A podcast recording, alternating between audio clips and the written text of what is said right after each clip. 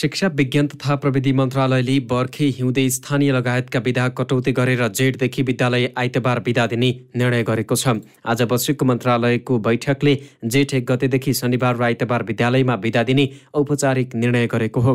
मन्त्रालयले सोमबारदेखि शुक्रबारसम्म दस बजेदेखि चार बजेसम्म विद्यालय समय कायम गरेर वार्षिक बिस दिन अन्य विधा कटौती गरे पाठ्यक्रम तोकेको पाठ्य घण्टा पुरा गर्न सकिने निष्कर्ष निकालेको छ। स्थानीय तहले आफू अनुकूल बर्खे हिउँदै स्थानीय दसैँ तिहार लगायत चाडपर्व विधाको दिन विद्यालय खोलेर पठन पाठन गराउन सक्ने मन्त्रालयले जनाएको छ। हिउँदे बर्खी गरेर पैँतालिस दिन र स्थानीय विधा पाँच दिन दिँदै आएको छ। माध्यमिक शिक्षासम्मको अधिकार स्थानीय तहले पाएपछि यी विधालाई पालिकाहरूले आफू अनुकूल प्रयोग गर्दै आएका छन्। आइतबार बन्द हुने सरकारी कार्यालय भने अन्य बार चाहिँ बिहान साढे नौ बजेदेखि साढे पाँच बजेसम्म सञ्चालन गर्ने सरकारले निर्णय गरेको छ। विद्यालय समय यसै गरी लम्ब्याउँदा बालबालिका प्रभावित हुने भएकाले दसदेखि चार नै कायम गरेर अन्य विधाका दिन पठन पाठन गराउने निर्णय गरिएको हो। शिक्षा तथा मानव स्रोत विकास केन्द्रले बुधबार स्थानीय तह र विद्यालयहरूलाई सर्कुलर गरेर मन्त्रालयको उक्त निर्णय कार्यान्वयन गर्न निर्देशन दिएको छ। गत वैशाख तेह्र गति मन्त्री परिषद बैठकले जेठदेखि सातामा शनिबार र आइतबार बिदा दिने निर्णय गरेको थियो। यसैबीच आगामी जेठ एक गतेदेखि बैङ्कहरू पनि सातामा दुई दिन बन्द हुने भएका छन्। यसअघिको सरकारी निर्णय सातामा दुई दिन शनिबार र आइतबार बिदा दिने भएसँगै बैङ्कहरू पनि सो दिन बन्द हुने भएका हुन्। आज एक सूचना जारी गरी राष्ट्र बैङ्कले सरकारी निर्णय बमोजिम वित्तीय क्षेत्र पनि दुई दिन बन्द गरिने निर्णय भएको र सोही निर्णय बमोजिम कार्य गर्न तथा गराउन बैङ्क तथा वित्तीय संस्थाहरूलाई निर्देशन दिएको छ। तर कार्यालय खुला हुने दिन सोमबारदेखि शुक्रबारसम्म पाँच दिन भने बिहान नौ तिस बजेदेखि चार बजेसम्म नै बैङ्क खुला राख्नुपर्ने राष्ट्र बैङ्कले जनाएको छ। कार्तिक सोह्र गतिदेखि माघ पन्ध्र गतिसम्म भने यस्तो कार्यालय समय साढे नौदेखि साढे तिन बजेसम्म मात्रै कायम हुने बैङ्कले जनाएको छ। यता अन्य कार्यालयहरू पनि बिहान साढे नौ बजेदेखि साढे पाँच बजेसम्म खुला राख्नुपर्नेछ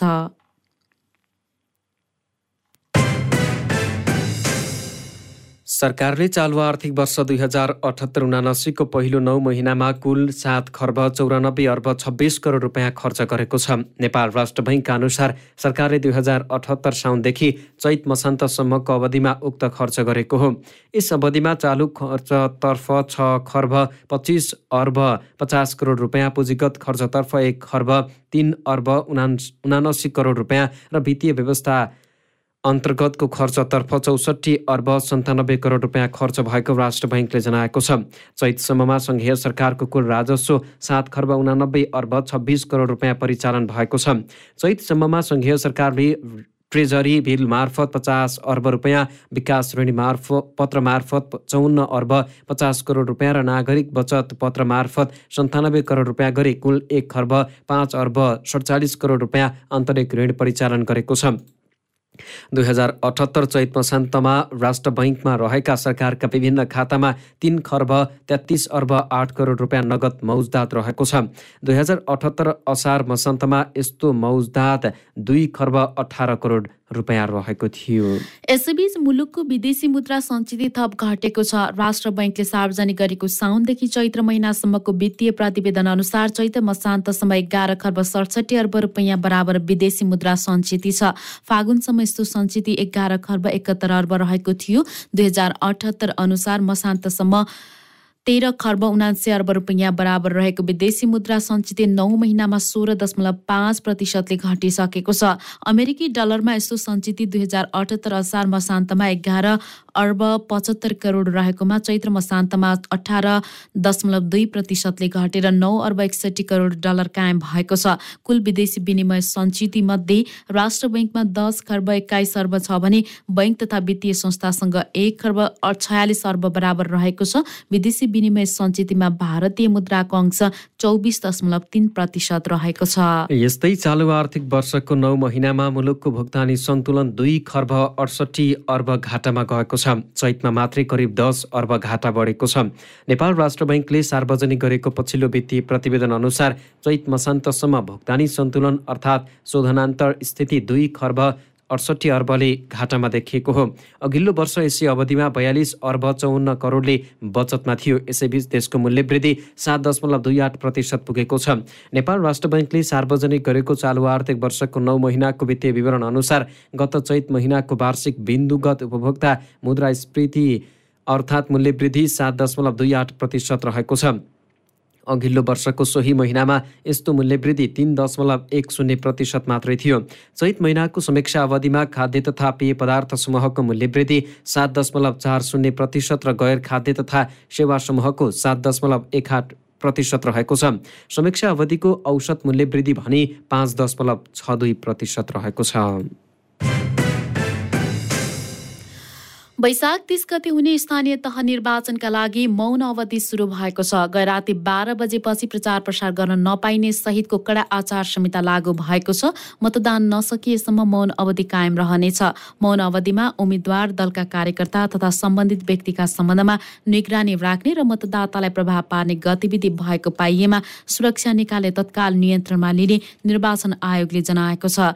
त्यस्तै निर्वाचन सुरक्षालाई ध्यान दिँदै गए रातिदेखि देशका सिमानाका पनि बन्द गरी गरिएको छ। तर अन्तर्राष्ट्रिय उडान भने रोकिएको छैन। निर्वाचनका दिन आन्तरिक उडान र अत्यावश्यक बाहेकका सम्पूर्ण सवारी साधन सञ्चालनमा रोक लगाइएको छ। यस्तै गैरातीदेखि मतदान सम्पन्न नभएसम्मका लागि मदिरा बिक्री वितरण तथा सेवनमा समेत प्रतिबन्ध लगाइएको छ। त्यस्तै स्थानीय तह निर्वाचनका लागि आजबाट छ दिनसम्म विद्यालयहरू पनि बन्द हुने भएका छन्। सरकारको सरकारले मतदानको दिन तिस गति मात्रै सार्वजनिक विदा दिने निर्णय गरे पनि विद्यालयहरू भने आजदेखि बन्द हुने भएका हुन्।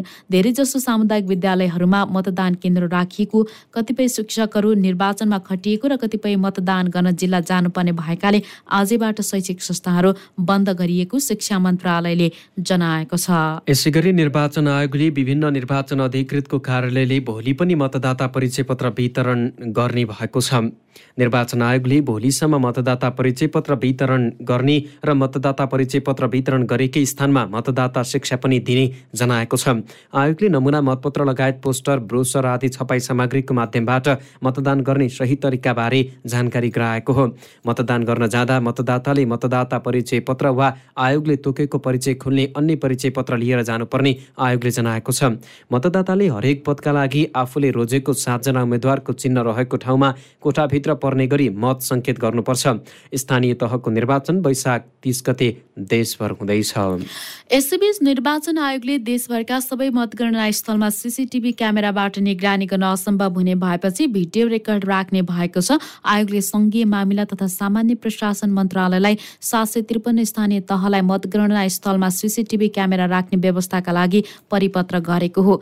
त्यसअनुसार स्थानीय तहले व्यवस्थापन गर्न नसक्दा आधाभन्दा कम स्थानीय तहमा मात्रै सिसिटिभीबाट गणनाको निगरानी गरिने भएको हो। करिब तिन सय मतगणना स्थलमा मात्रै सिसिटिभी क्यामेरा जडान भएको र बाँकी ठाउँहरूमा भिडियो रेकर्ड गरिने भएको प्रमुख निर्वाचन आयुक्त दिनेश कुमार थपलियाले जानकारी दिनुभयो। सात सय त्रिपन्न स्थानीय तहमा नै मतगणना हुनेछ यता स्थानीय तहको निर्वाचनमा मताधिकार प्रयोग गर्नका लागि काठमाडौँ छाड्ने सर्वसाधारणको काठमाडौँको विभिन्न नाकाहरूमा भिड लागेको छ। वैशाख तिस गते हुने निर्वाचनमा मतदान गर्नका लागि उपत्यका बाहिर जाने सर्वसाधारणको सङ्ख्या बढेको ट्राफिक प्रहरीले जनाएको छ। उपत्यका छाड्नेहरूले सहज रूपमा सवारी साधन नपाएको गुनासो गरेका छन्। गाडी र यात्रुको चापका कारण विभिन्न नाकामा ट्राफिक जाम भएको छ। निर्वाचनका लागि सर्वसाधारणहरूलाई सम्बन्धित दल र उम्मेद्वारहरूले गाडीको समेत व्यवस्था गरिदिएका छन्। पछिल्ला चार दिनमा मात्रै करिब दुई लाख बिस हजारभन्दा बढी व्यक्तिले सडक मार्ग हुँदै उपत्यका छाडेका महानगरीय ट्राफिक प्रहरी महाशाखाका अनुसार चुनाव नजिकैसँगै उपत्यका भित्रनेको सङ्ख्या घट्दै गर्दा बाहिरिने यात्रुको सङ्ख्या हत्तै बढेको छ। हिजो सत्ताइस वैशाखमा मात्रै करिब उनासाठी हजार एक्कासी जनाले काठमाडौँ छाडेका छन्। छब्बिस वैशाखमा यो सङ्ख्या पचास हजार नौ सय तिस थियो भने पच्चिस गते पचपन्न हजार सात सय छयालिसजनाले काठमाडौँ छोडेका थिए। यसैबीच प्युठानको सरुमारानी गाउँपालिकामा सत्तारूढ गठबन्धन र एमालेका समर्थक बीच भएको झडपमा चारजना घाइते भएका छन्। घाइते हुनेमा शङ्कर विश्वकर्मा टेकिन र मर्स्याङ्गी गुमान सिंह लम्तरी र रमेश राणा रहेका छन्। घाइते मध्ये रमेशलाई थप उपचारका लागि बुटोल लगिएको जनाइएको छ। तिनजनाको सरुमा रानीमा उपचार भइरहेको छ। गाउँमा भोट माग्दै हिँडेका दुई समूहबीच मौन अवधिमा भोट मागेको विषयमा विवाद भएपछि झडप भएको प्रहरीले जनाएको छ। शुक्रबार वैशाख तिस गति हुने मतदानका लागि गए राति बाह्र बजे बजेबाट मौन अवधि सुरु भएको छ। यो अवधिमा मतदान मत माग्न र प्रचार प्रसार गर्न नपाइने कडा व्यवस्था गरिएको छ। उता नेपाली कङ्ग्रेसले कपिल वस्तुको महाराजगञ्ज नगरपालिकामा उपमेयरको उम्मेद्वारको मृत्यु भएपछि उनको बुहारीलाई उम्मेद्वार बनाएको छ। कङ्ग्रेसले उपप्रमुख पदकी उम्मेद्वार शुभावर्ती कुर्मीको मृत्युपछि कुर्मीकी जेठी बुहारी रिता कुमारी कुर्मीलाई उम्मेद्वार बनाएको हो। हृदयघातबाट शुभ ओर्तीको मृत्यु भएपछि निर्वाचन आयोगले निर्वाचन कार्यक्रम स्थगन गरेको थियो आयोगले तिन जेठमा निर्वाचन हुने गरी नयाँ निर्वाचन कार्यक्रम जारी गरेको छ। आयोगको नयाँ निर्वाचन कार्यतालिका अनुसार कङ्ग्रेसले रितालाई उपमेयरको उम्मेद्वार दर्ता गराएको हो। उता दाङमा पनि वडा अध्यक्षका उम्मेद्वार बाबुको मृत्यु भएपछि छोरा उम्मेद्वार बनाइएको छ। नेकपा एमाले तुलसीपुर उपमहानगरपालिका सत्रको वडा अध्यक्ष पदमा प्रदीप चौधरीलाई उम्मेद्वार बनाएको छ। प्रदीप चौधरी लबरु चौधरीका छोरा हुन् एमालेको तर्फबाट वडा अध्यक्षको पदमा उम्मेद्वार भएका लबरुको मङ्गलबार निधन भएपछि उहाँको ठाउँमा छोरालाई उम्मेद्वार बनाएको छ। उनले आज मनोनयन दर्ता गराएका हुन्। लबरुको निधन भएपछि निर्वाचन आयोगले तिसवटाको निर्वाचन तिन जेठमा गर्ने जनाएको छ। सिराहामा मतदातालाई पैसा बाढेको आरोपमा नेकपा माओवादी केन्द्रका एक कार्यकर्तालाई प्रहरीले नियन्त्रणमा लिएको छ। मतदाताको घरमै पुगेर नमुना मतपत्रमा पार्टीको चुनाव चिन्ह देखाउँदै प्रति व्यक्ति दुई हजारदेखि पाँच हजार रुपियाँ बाँड्दै गरेको अवस्थामा गोलबजार नगरपालिका दुई गुरुधामका नेकपा माओवादी केन्द्रका कार्यकर्ता पचपन्न वर्षीय प्रेम लामा पक्राउ परेका हुन्। उनको साथबाट मतपत्र र चौन्न हजार रुपियाँ बरामद भएको प्रहरीले जनाएको छ। लामालाई मतपत्र र रकमसहित स्थानीयले नियन्त्रणमा लिई प्रहरीलाई बुझाएको र आवश्यक अनुसन्धान भइरहेको इलाका प्रहरी कार्यालय घोलबजारका प्रहरी निरीक्षक राजु केसीले जानकारी दिनुभयो। यसैबीच कपिलवस्तु नगरपालिका तीन सानो वर्गदहवाबाट मतदातालाई बाँड्न लागि मदिरा प्रहरीले बरामद गरेको छ। लु एक ज दुई चार एक शून्य नम्बरको भ्यानमा राखिएको मदिरा स्थानीयलाई बाँड्न लागेको देखेपछि प्रहरीलाई खबर गरिएको थियो। प्रहरीले बाँड्न लागेको मदिरा सहितको भ्यान र एकजनालाई नियन्त्रणमा लिएको जनाएको छ। उता हुम्लाको अदानचुली गाउँपालिकामा खटिएका निर्वाचन अधिकृत यमप्रसाद बासकोटालाई हटाउन जिल्ला स्थित तीन दलले माग गरेका छन्। निर्वाचन अधिकृतले निर्वाचन आचार संहिता विपरीत सर्वदलीय सहमति बिना एकलौटी कार्य गरेको भन्दै हटाउन माग गरेका हुन्। नेपाली कङ्ग्रेस नेकपा माओवादी केन्द्र र नेकपा एकीकृत समाजवादीले निर्वाचन अधिकृतलाई हटाउन माग गर्दै विज्ञप्ति जारी गरेका छन्। गाउँपालिकामा कार्यरत उम्मेद्वारको आफन्तलाई निर्वाचन कर्मचारीका रूपमा नियुक्त गरेको निर्वाचन अघि सक्कल मतपत्र एउटा दललाई मात्र वितरण गरेको सर्वदलीय सहमति नहुँदै सूचना प्रसारण गरेको एमालेबाट गाउँपालिकाका अध्यक्षको उम्मेद्वार बनेका दल फडेराको घरमा बसेर खानपिन गरेको आरोप दलहरूले लगाएका छन्। निर्वाचन अधिकृतलाई नहटाएमा निर्वाचन बिथोलिन सक्ने चेतावनी समेत दलहरूले दिएका छन्।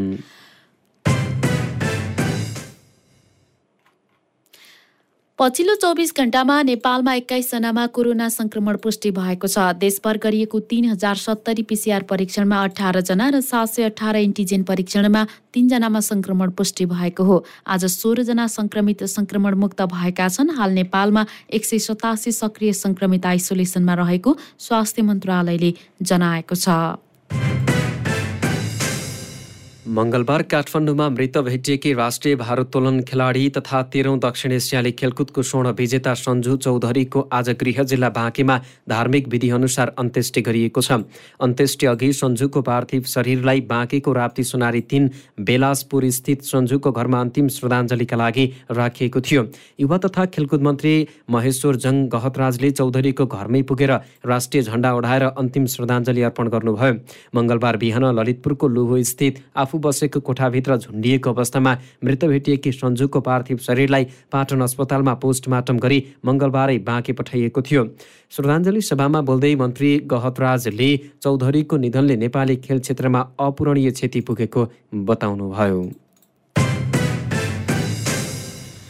बजाङमा किशोरी बलात्कार आरोपमा एक पुरुष पक्राउ परेका छन्। चौबिस वर्षीय किशोरी चौध वर्षीय किशोरी बलात्कार आरोपमा छब्बिस पाथेबेरा गाउँपालिका पाँच बस्ने छब्बिस वर्षीय कृष्ण धामीलाई आज बिहान प्रहरीले पक्राउ गरेको हो। सोही स्थानको मौरी खोला जलविद्युत आयोजना पावर हाउसको भवनमा ती किशोरीलाई धामीले बलात्कार गरेको प्रहरीले जनाएको छ। सूचना पाएपछि प्रहरी चौकी पा छब्बिस पाथी भेराबाट खटिएको प्रहरीले उनलाई पक्राउ गरेको हो। घटनाका सम्बन्धमा प्रहरीले थप अनुसन्धान गरिरहेको जनाएको छ।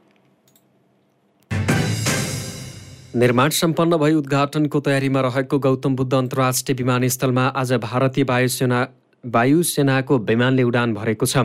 भारतीय वायुसेनाको आइएल छयत्तर विमान सुरक्षा अधिकारी सहित सुरक्षा सामग्री सवारी साधन र बन्दोबस्तीका सामान लिएर भैरहवा विमानस्थलमा अवतरण गरेको हो। दुई जेठमा बुद्ध जयन्तीमा भारतीय प्रधानमन्त्री नरेन्द्र मोदीले लुम्बिनी भ्रमण गर्न लागेकाले उनकै सुरक्षामा आवश्यक सामग्री लिएर आज विमान आएको हो।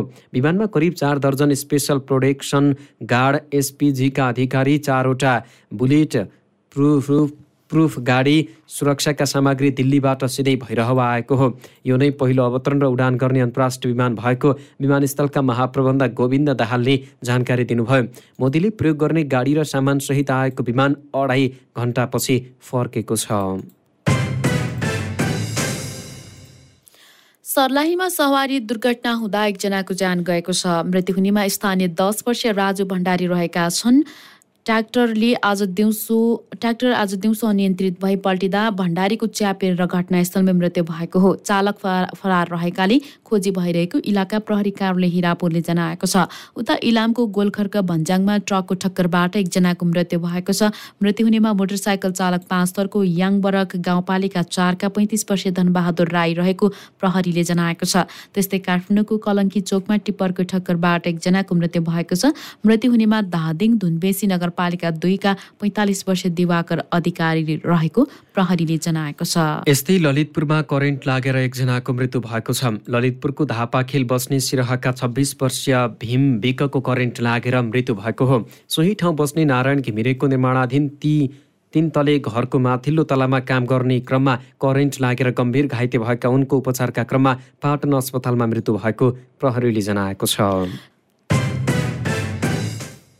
सेयर बजार परिसूचक नेप्से आज पचपन्न अङ्क बढीले बढेको छ। नेप्सी पचपन्न दशमलव शून्य छ अङ्कले बढेर दुई हजार तिन सय उनासत्तरी बिन्दुमा पुगेको हो।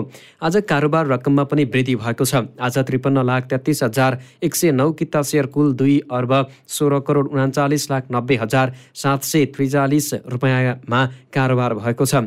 आज सबै उपसमूहका सूचकहरू उकालो लागेका छन्। आज युनिभर्सल पावर कम्पनी लगायतका आठवटा कम्पनीको सेयर दस प्रतिशतले बढेको छ। अन्य पाँचवटा कम्पनीको सेयर मूल्य झन्डै नौ प्रतिशतभन्दा धेरैले बढेको छ। सबैभन्दा बढी अरुण भ्याली जल विद्युतको सेयर कारोबार भएको छ। वाणिज्य बैङ्कहरूले जेठ महिनाका लागि निक्षेपमा ब्याज दर नबढाउने निर्णय गरेका छन्। नयाँ ब्याज दर एघार दशमलव शून्य तिन प्रतिशत नै दिने सहमति भएको हो। बैङ्कर सङ्घको मङ्गलबार बसेको बैठकले चैत्र र वैशाखका लागि तोकिएको ब्याज दरलाई नै निरन्तरता दिने निर्णय गरेका हुन्। राष्ट्र बैङ्कका गभर्नर महाप्रसाद अधिकारीले केही दिन अघि जेठमा ब्याज दर बढ्न सक्ने बताउनु भएको थियो। गभर्नर अधिकारीले सार्वजनिक मञ्चबाट ब्याज दर बढ्न सक्ने बताए पनि बैङ्कर सङ्घले भने स्थिर राख्ने निर्णय गरेको छ। रेमिटेन्स आउने क्रममा सुधार देखिएको छ। चालु आर्थिक वर्षको पहिलो महिनादेखि नै लगातार जसो रेमिटेन्स आउने क्रममा गिरावट देखिएको हो। पछिल्लो पटक फागुन महिनामा केही सुधार भएको रेमिटेन्स आप्रवाहमा चैतमा पनि सुधार भएको छ। तर समीक्षा अवधिमा अझै पनि रेमिटेन्स गत वर्षको तहमा पुगिसकेको छैन। नेपाल राष्ट्र बैङ्कका अनुसार चालु आर्थिक वर्षको नौ महिना अर्थात् चैतमा मात्रै विदेशबाट त्रियानब्बे अर्ब पचपन्न करोड रुपियाँ रेमिटेन्स भित्रिएको छ। गत फागुन महिनामा बयानब्बे अर्ब रुपियाँ मात्रै रेमिटेन्स भित्रिएको थियो। वार्षिक मृत्यु वार्षिक बिन्दुगत आधारमा भने रेमिटेन्स घटेको छ। नौ महिनाको अवधिमा विप्रेषण अप्रवाह शून्य दशमलव छ प्रतिशतले कमी आई सात खर्ब चौबिस अर्ब चौरात्तर करोड कायम भएको राष्ट्र बैङ्कले बताएको छ। अघिल्लो वर्षको सोही अवधिमा विप्रेषण आप्रवाह सोह्र दशमलव पाँच प्रतिशतले बढेको थियो। क्यान्डिड न्युजमा अब अन्तर्राष्ट्रिय समाचार। युक्रेनमा रहेको रुसको सम्पत्ति जफत गरिने भएको छ। युक्रेनका प्रधानमन्त्री डेनिस स्मिहालले युक्रेनमा रहेको रुसको सम्पत्ति जफत गरिने जानकारी दिनुभएको हो। उहाँले मन्त्री परिषदले हालै मात्रै युक्रेनमा रहेको रुसको सम्पत्ति जफत गर्ने विषयको कानुन बनाएको र सो सम्पत्ति जफत गर्ने अनुमति दिएको जानकारी दिनुभयो। यसैबीच अमेरिकी प्रतिनिधि सभाले युक्रेनका लागि थप चालिस अर्ब डलर सहायता स्वीकृत गरेको छ जसलाई सुनेटले पनि अनुमोदन गर्ने सम्भावना रहेको बिबिसीले जनाएको छ। पश्चिमा मुलुकहरूले आर्थिक प्रतिबन्धहरूको घोषणा गरेसँगै रुसमा चारजना क्षेत्रीय गभर्नरहरूले राजीनामा दिएका छन्। रुसको टोम्स्क साराटोभ किरोभ र मारिएल क्षेत्रका गभर्नरहरूले राजीनामा दिएको अन्तर्राष्ट्रिय समाचार संस्था रोइटर्सले जनाएको छ। क्षेत्रीय गभर्नरहरू चुनाव मार्फत निर्वाचित हुने भएपछि उनीहरू रुसी प्रशासन क्रेमलिनको मान मातहतमा रहने बताइन्छ। कहिलेकाहीँ क्रेमलिनले यस्ता गभर्नरहरूलाई राजीनामा दिन बाध्य समेत पार्ने गरेको बताइन्छ। पश्चिमा मुलुकहरूले प्रतिबन्ध लगाएका कारण खस्कौदो रुसी अर्थतन्त्रमाझ क्रेमलिनले कमजोर गभर्नरलाई हटाएको मस्को स्थित centre for the development of regional politics नामक थिङ्क ट्याङ्कका प्रमुख इलिजा ग्रासचेन्कोभले बताउनुभयो। यो वर्ष रुसको अर्थतन्त्रमा आठ दशमलव आठ प्रतिशतको सङ्कुचन आउने रुसी अर्थ मन्त्रालयलाई उद्धित गर्दै रोइटर्सले जनाएको छ।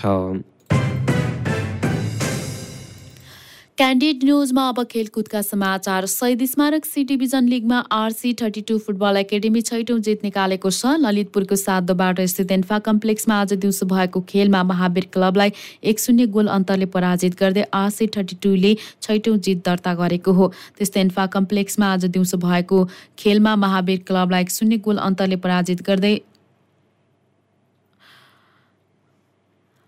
यसलाई एकपटक फेरि सुन्नुहोस्। एन्फा कम्प्लेक्समा दिउँसो भएको खेलमा खालीबारी युथ क्लब र पुल्चोक स्पोर्ट्स क्लबको खेल भनी बराबरीमा सकिएको छ। र नेपाल क्रिकेट सङ्घ क्यानले युगान्डा विरुद्धको टी ट्वेन्टी अन्तर्राष्ट्रिय सिरिजका लागि नेपाली राष्ट्रिय महिला क्रिकेट टोलीको घोषणा गरेको छ। क्यानले आज रुबिना छेत्रीको कप्तानीमा टोलीको घोषणा गरेको हो। नेपालले जेठमा युगान्डासँग घरेलु मैदानमा टी ट्वेन्टी सिरिज खेल्नेछ।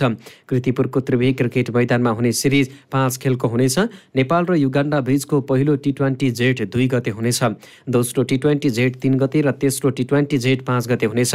यस्तै चौथो टी ट्वेन्टी जेठ छ गते र अन्तिम टी ट्वेन्टी जेठ सात गते हुनेछ।